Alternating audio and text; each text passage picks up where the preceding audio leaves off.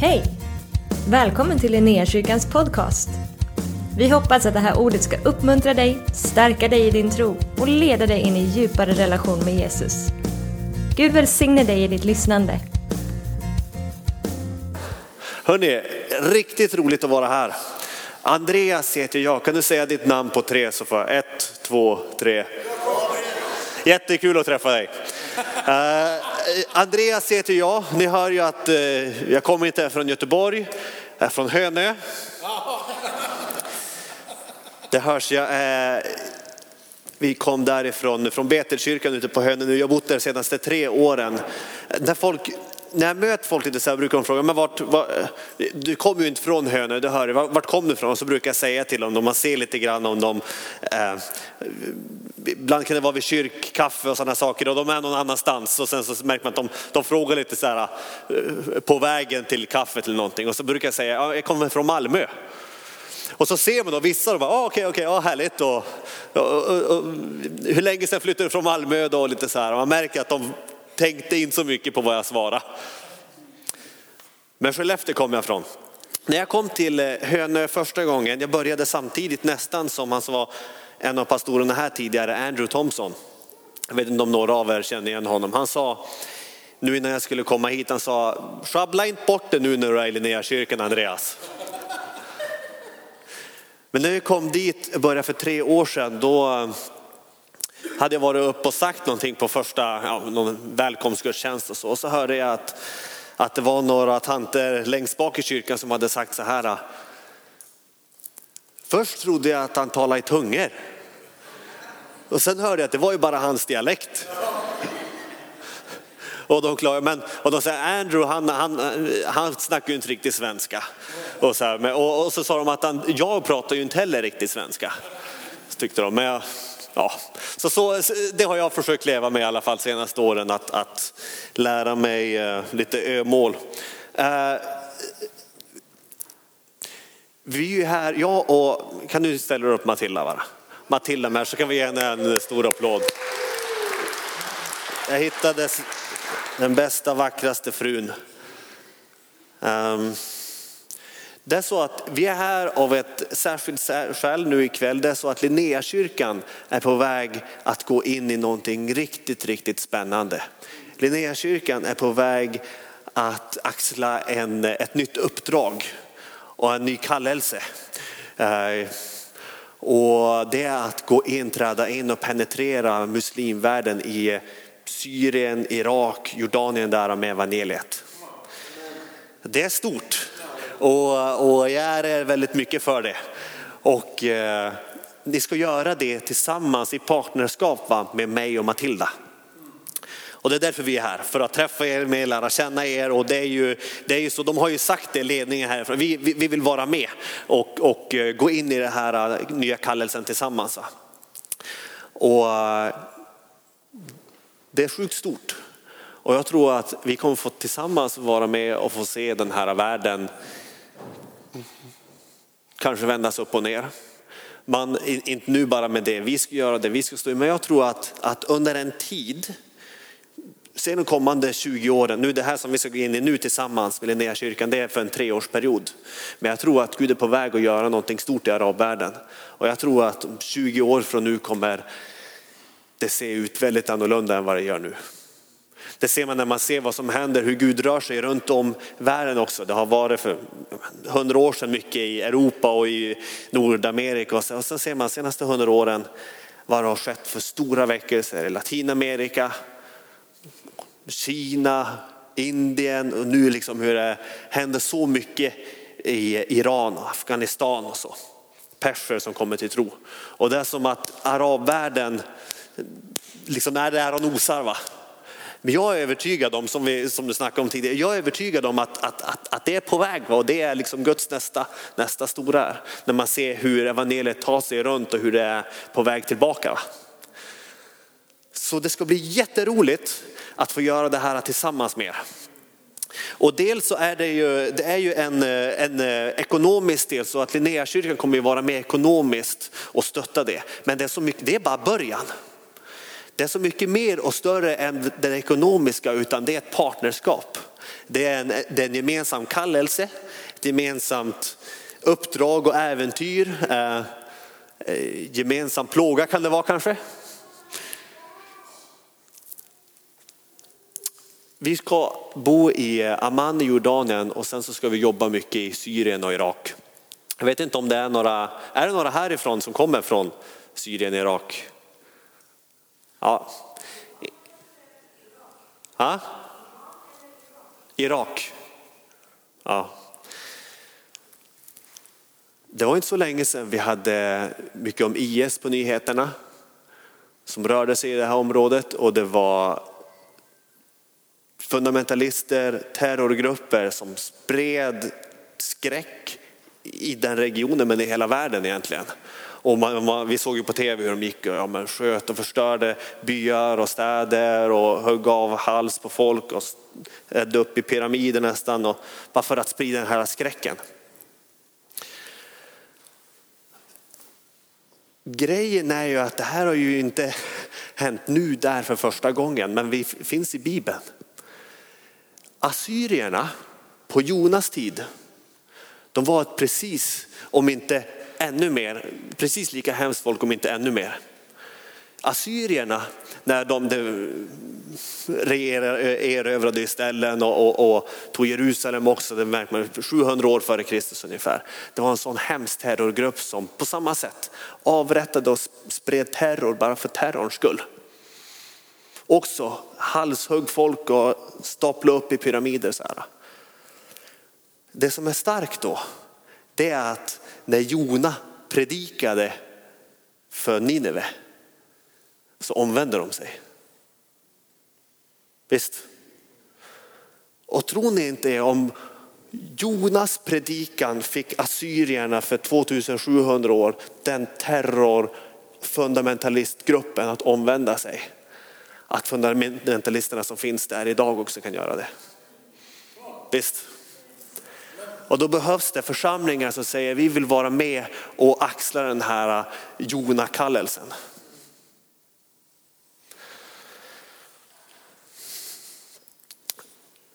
Vi ska eh, börja läsa lite grann från Matteus evangeliet 28. Det blir, det blir klassiskt om, om missionsbefallningen och så, men när en person ska lämna, då är ofta de sista orden som den personen säger väldigt viktiga. Så vet ni om ni har haft någon nära som har gått bort och säger, ja, men vad var den personens sista ord? De, är ofta, de har mycket mer tyngd, de sista orden, vad är en massa saker man har sagt flera år tidigare. Det är liksom någonting speciellt, en speciell tyngd i de sista orden. Om Jesus säger någonting en gång så är det viktigt, säger någonting två gånger så är det viktigt. Säger någonting tre gånger så är det nog det att Gud vill att du verkligen ska fatta det här. Missionsbefallningen, det är liksom fem gånger poängterar Gud i Bibeln. Det är som att du missar för allt i världen inte det här. Det är slutet av Matteus, av Markus, av Lukas och Johannes och sen är det i början av apostlagärningarna också. Det är liksom, Gud säger missa för allt i världen inte det här. Den det här sista delen, absolut sista delen av Matteus stora berättelse. Va? 28 kapitel, egentligen ganska långt. Och sen är det här just, vi har uppståndelsen då, döden och uppståndelsen i, i kapitel 27 och början av 28 och sen är det några stories där om han visar sig för folk. Och sen är det som att bara sista delen så kommer den här missionsbefallningen. Och det är som att det är som att det är en, en, en call to action. För hela Matteus evangeliet så är det någonting, det, kulmineras i döden och uppståndelsen och sen är det som att det här blir som en språngbräda ut. Okej. Okay.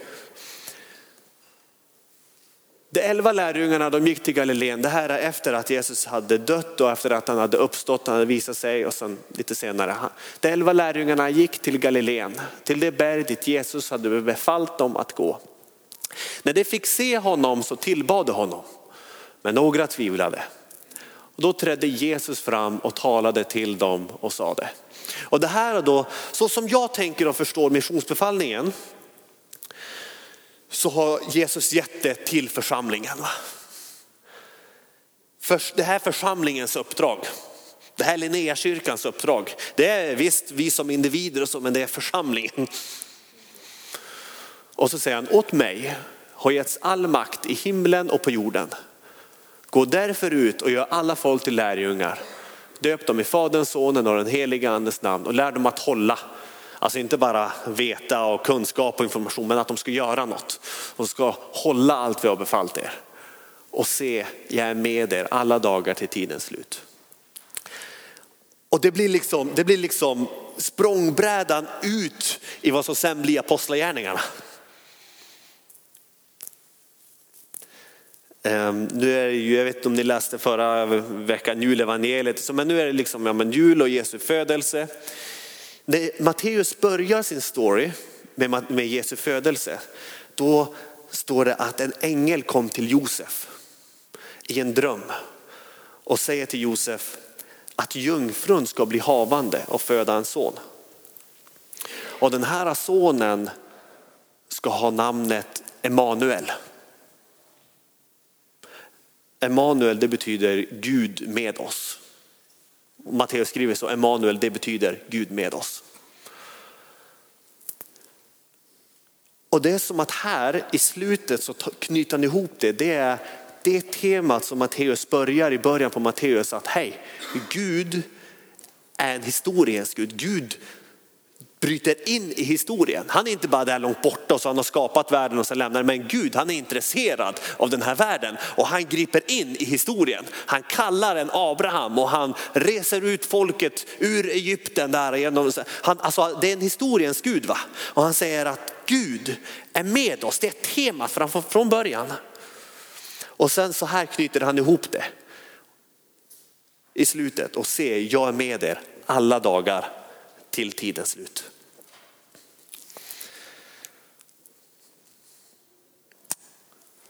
Vi läser trosbekännelsen också nu, den muslimska trosbekännelsen. Den ropas ut på de här platserna, i de här länderna. Vet ni, arabvärlden, nu är det inte hela som vi ska vara i, men just där vid Syrien, Irak, Jordanien.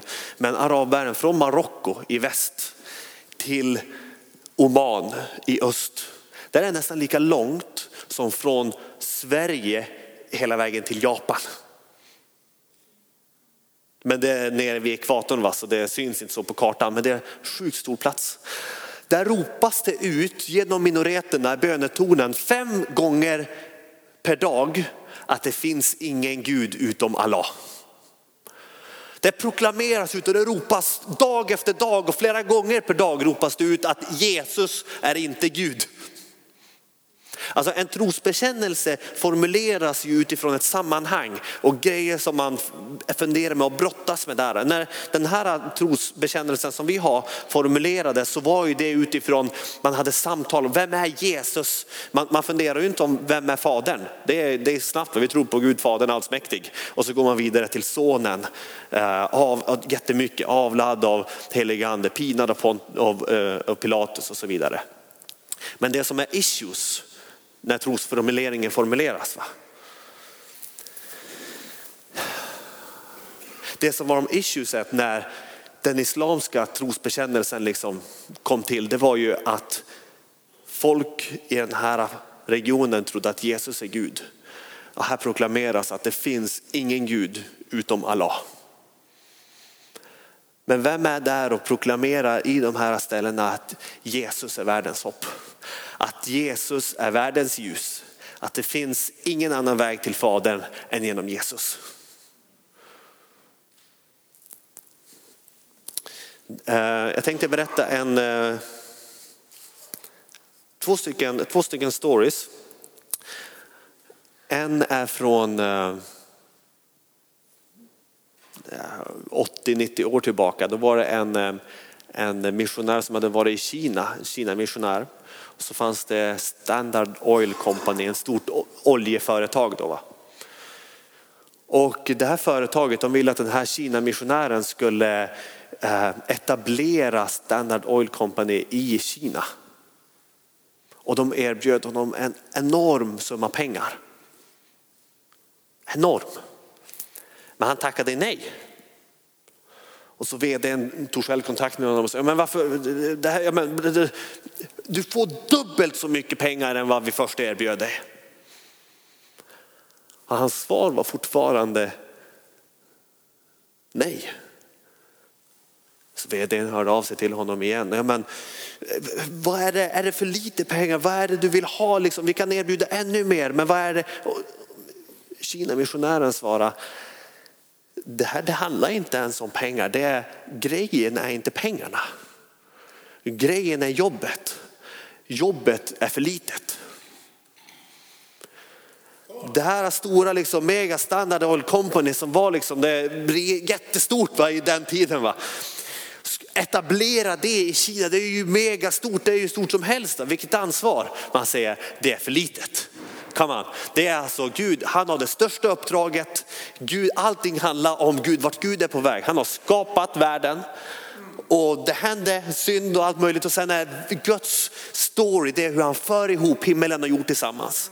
Och vi får vara med i det. Va? Jesus har påbörjat det när han kom och himmelriket liksom påbörjades överlappa här med jorden. Va? Men sen mer och mer under den här tiden har han gett oss uppdraget att föra ut det. Jag var i, eh, jag ska säga någonting om lärjungaskap. Vi var i eh, 2019 på sommaren i eh, ett så stort flyktingcentrum i Libanon, men på gränsen till Syrien. Det var så här som man ser på tv och tält efter tält efter tält. I, på söndagen då, då var jag först på en gudstjänst, liksom det här med, med libanesiska araberna och sen efteråt vid tvåtiden, då var det möte i källaren med syriska konvertiter. Och de, eh, det var ett 30-tal ungefär. Eh, jag kom dit och jag började småprata med några innan och så frågade jag, men hur, hur kom du till tro och vad är din story? Då säger den här personen till mig att för, för två år sedan då såg jag Jesus i en dröm. När jag var i den där staden, jag minns inte vad den hette, någonstans inne i Syrien. Där. Och jag, wow, man har, ju, man, man har ju hört om muslimer som ser Jesus i en dröm. Va? Men nu fick jag träffa, eh, så. det var ganska stort för mig. Sen direkt efter den personen så pratade jag med en annan. Och vad är din story? Så. Den personen sa, eh, jag har sett Jesus i en dröm också. Två personer direkt så. Skulle mötet börja och det var en härlig gudstjänst. Då. Ehm, efter gudstjänsten då fortsatte jag höra lite grann med folk och lära känna lite. Och efter inte alls för lång tid så är det som att poletten faller ner till mig liksom i mitt liv. Att jag är den enda personen i det här rummet bland ett 30-tal som inte har sett Jesus i en dröm. Det var väldigt stort. Och, det, och Gud talar till mig och sa, det är Gud han har vägar. va.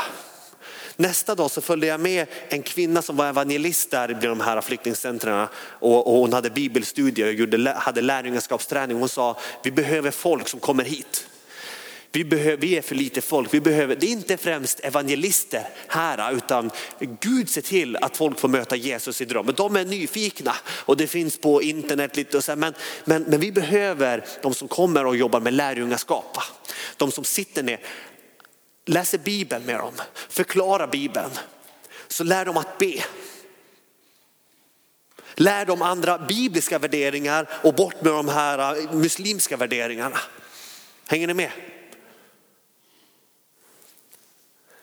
Gud är på gång och verkar men när det inte finns folk där som kan följa upp och, och lärjungaträna då, då rinner det ut i sanden. Va? Det ska bli jättespännande att tillsammans med Linnéakyrkan, också jag och Matilda längtar för att få kunna vara en plattform. Det ska bli jättespännande att tillsammans med Linnéakyrkan få föra ut evangeliet och få se och gärna ta emot folk. När ni känner, jag är övertygad om att det sitter folk här som kommer ha vägarna förbi och kommer få vara med. Om det är en vecka eller om det är lite längre tid och få faktiskt se på vilket sätt som Gud öppnar så att du kan få vara med och betjäna. Om det är Jordanien eller om det är inne i Irak och Syrien. Eller om det är härifrån med mediagrejer, med programmering eller design eller vad som helst. Man det är mycket media också. Men jag är övertygad om att Gud har många i det här rummet som han kallar. Jag skulle också nu andra delen vilja berätta om en, en, eh, en speciell kallelse. Gud kallar folk att åka ut och vara där liksom i frontlinjen. Men en annan kallelse. Nu i kriget mellan Ukraina och Ryssland, staterna som är vid frontlinjen som, som det beror på. Det finns något man kallar för trossen. Va? Att det är ett maskineri som behöver fungera. Va? Det är liksom, eh, ta Ukraina där, det behövs komma fram vapen till soldaterna där. Det behövs mat och ammunition, det behövs logistik, det behövs kommunikation. Hänger ni med? va? Det är så mycket mer än bara det som hänt på frontlinjen där. Och Gud kallar och behöver missionsarbetare mitten av 1800-talet också, då fanns det också tillbaka i Kina en, en, eh, en klassisk missionär, han hette Hudson Taylor. Han fick en vision och sa, Gud ge mig tusen missionärer till Kina. Och då fanns det en svensk som hette Fredrik Fransson. Det var han som var involverad när allianskyrkan kom igång. Men Fredrik Fransson, han var en speciell typ. Han, han, han var predikant och när han predikade då, Då kunde han eh, ibland han kunde börja gå ner bland kyrkorna och så kunde han gå, alltså kyrkbänkarna. Och så gick han runt där nästan och så stannade han och så pekade på någon. Och lite sådär va. Så han var en, en, en, en karaktär, ett original kan man säga. Men han, han sa så här, när han hörde Hudson Taylors vision om tusen missionärer till Kina, då sa han så här, jag ska hitta 200 och jag ska vara med och skicka ut 200 från Sverige till Kina. Det är ganska stort. Det är väldigt stort. Det finns en story från första Samuelsboken kapitel 30. Då är det David eh, och hans män de har varit iväg på någon, eh, eh, ja, någon strider och sen så kommer de tillbaka till sitt läger och där har fienden, amalekiterna varit, de har plundrat och de har tagit deras fruar och barn och massa, eh, liksom deras grejer, bohaget. De blir alldeles förkrossade. Det står att David, han hämtar kraft hos Herren. Och sen så ger de sig iväg 600 män. Då ska vi läsa ifrån, ifrån Eh, de ger sig iväg 600 män för att eh, jaga rätt på de här amalekiterna och ta tillbaka deras grejer. Och grejen då, vi ska läsa, det här är en ganska, storyn är ett helt kapitel och det ska vi inte läsa, men jag ska läsa några, några verser då. Från först 9 och vers 10. Då begav sig David iväg med sina 600 man och det kom till bäckravinen Besor där en del av dem tvingades stanna kvar. David fortsatte jakten med 400 man men 200 man stannade. De var för trötta för att gå över bäckravinen Besor. Sen fortsätter de, de eh, kommer de hitta åt amalekiterna, de eh, eh, slår ner dem, tar tillbaka sina grejer, de tar byte även ifrån dem. Och sen när de kommer tillbaka går vi lite längre fram och sen läser vi från vers 21.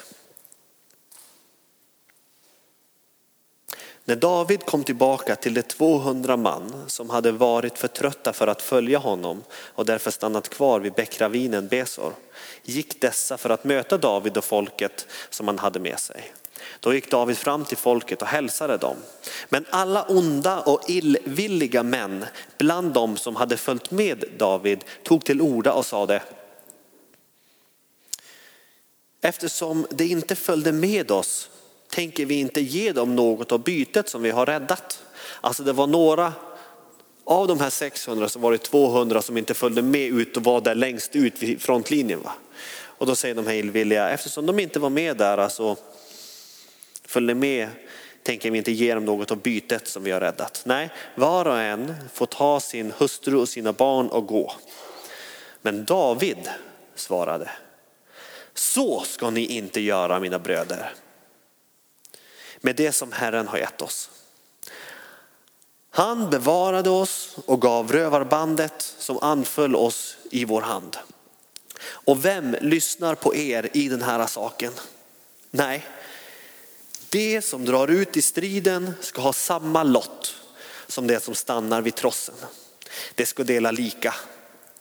Så blev det från den dagen och i fortsättningen. För David gjorde detta till lag och rätt i Israel så som det är än idag. Hörrni, i ett sånt här missionsprojekt så är det vissa, jag och Matilda, vi kommer åka ut och bosätta oss och bo där först och främst nu i tre år. Men det här är någonting som görs tillsammans. Och det är böner och det är också ekonomi och det är också engagemang och information och missionsarbete med vad som händer här på hemmaplan och mobilisering och kanske någon mellanöstern-dag och sådana saker. Och skicka ner folk dit som får sändas ut på korttidsgrejer. Grejen är så här, ah, Vissa är vid trossen och vissa kommer vara ännu mer nere vid frontlinjen. Så. Men det Gud säger och det som David poängterar det är att det är samma lott. När en, folk, en person kommer bli frälst där nere, då är det samma lott för de som har varit där och de som har gjort det möjligt. Det är en bild och det här är verkligen så som jag förstår mission. Och jag ska avsluta med det här, vi ska ha tid att fira. Jag ska läsa en, en text ifrån den här boken, Segertoner. Jag förstår mission så här. Det här bilden om brunnen kallar jag det. Om vi tänker oss att det är ett djupt hål ner hit, 10, 15, 20 meter va? djupt. Och så där nere i den här brunnen, va, där ligger en person som behöver bli räddad. Den personen kan ju inte klättra upp själv, det är omöjligt. Men för att den personen ska bli räddad, komma upp, då krävs det att det är någon som säger, ja men jag är villig att klättra ner. Och jag tänker mig det som en så här bergsklättring lite grann, ett rep och man går ner så efter väggen. Som säger, jag är villig. Men för att det ska vara möjligt så behövs det folk som står uppe på marken va? och håller i det repet. Och så säger jag är villig att faktiskt hålla det här repet och, slita och det kommer att vara tufft och tungt. Men jag är villig att hålla det här repet så att någon kan klättra ner så att vi kan få upp den där personen. Hänger ni med? Det är så mission fungerar. Det ska lovsångsteamet ska kunna komma upp och, och göra redo så ska jag läsa en, eh, eller jag vet inte om, vi ska, eh, om det är direkt nattvard eller om det är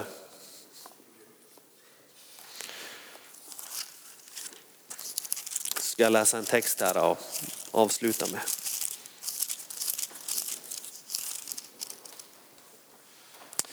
Från segertoner, jag vet inte hur mycket ni sjunger segertoner här. Segrar i alla fall. Amen.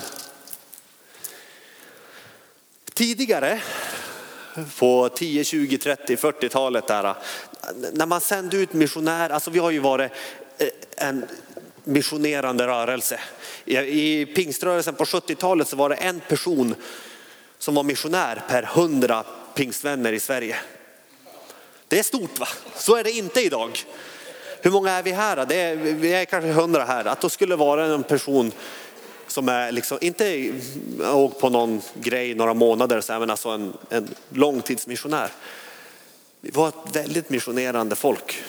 Jag tänker hur många missionsarbetare var det då per hundra? Men när folk lämnade då, då lämnade man inte bara för några år, då lämnade man för hela livet. Va? Man, tänkte, man tog med sig sina grejer, packade ihop det i någon kista som församlingen följde med ner till hamnen där personen gick på och sen så vinkade man av. Och då fanns det en sång som man sjöng. När folk upplevde kallelse och, och, och man vinkade av dem och så. Och, och den heter Gå, gå såningsman gå. Och jag tänkte jag ska, jag ska börja att få, eller jag ska avsluta med att få läsa den här texten. Så om ni bara vill eh, blunda där ni sitter och bara ta in det här. Tänk vilken underbar nåd av Gud att få vara hans sändebud och till den döende världen gå för att hans kärlek säde så. Får du ej främst ut i ledet stå, verka Guds verk i det tysta då.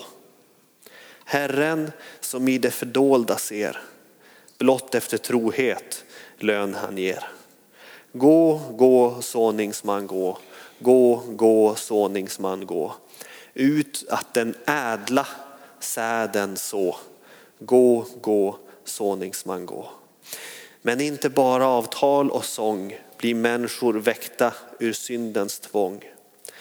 Genom ett liv efter Herrens bud hjälper du många fram till Gud. Tröttna då ej att Guds ord så ut. Arbetets möda får lön till slut. Om än med tårar du nu får så skall du med jubel skörda få. Och sista versen. Snart är den slutad, vår arbetstid, och vi går hem till en evig frid. Möter de själar vi vunnit här, strålande som juveler där. Jag tackar dig Herre för att du är verksam Herre och att du har genom historia penetrerat mörkret Herre. Ljuset besegrar mörkret, godheten besegrar ondskan Herre. Jag tackar dig för Linnéakyrkan som tackar ja till den här kallelsen. Uh, att gå in, penetrera mörkret med ljus i ett av de mörkaste ställena Herre. Tack för att Linnékyrkan får vara som de här enkla ljusen här som får, man får placera dem i en plats där det är mörker och de lyser upp på ett stort fantastiskt sätt.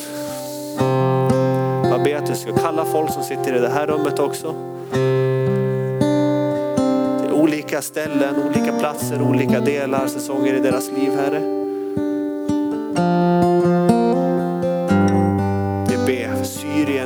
Damaskus. Vi ber för Latakia, Bagdad, Amman, Aleppo, Mosul Herre, Homs. Vi ber att du ska verkligen förbereda redan nu Herre Vi ber Herre om en fantastisk tid tillsammans när jag och Matilda får stå i partnerskap med Linnéakyrkan. Vi har sett med information och att få ta emot folk för insatser också.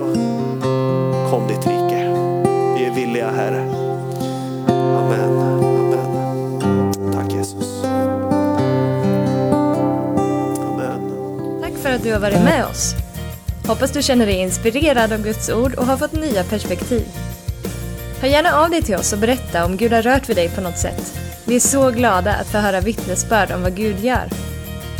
Du kan mejla oss på adressen info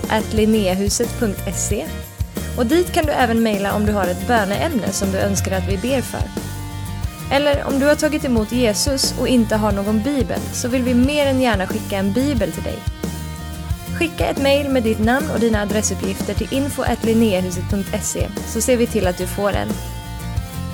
Om du vill ge en gåva till Linnéakyrkans arbete för att nå fler människor med evangelium så kan du swisha till 123 520 0993. Du kan också besöka oss på linneakyrkan.se för att få mer information. Välkommen tillbaka att lyssna snart igen.